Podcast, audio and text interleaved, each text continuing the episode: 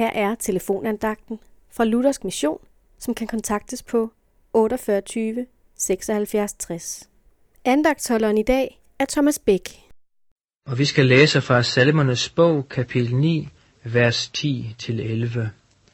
Herren bliver en borg for undertrykte, en borg i trange tider.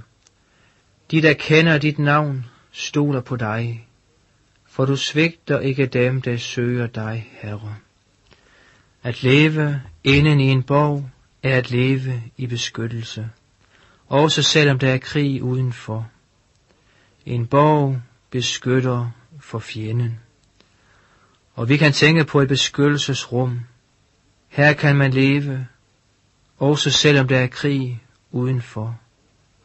Og jo mere man ser, hvor stærk borgen er, beskyttelsesrummet er, jo mere rolig og tryg er man i den.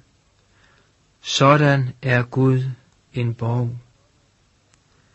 Men for hvem er Gud en borg? Jo, som der stod, for de undertrykte, for dem, der lever i trange tider. Gud vil være en borg for de svage, for de hjælpeløse, dem som intet har i dem selv.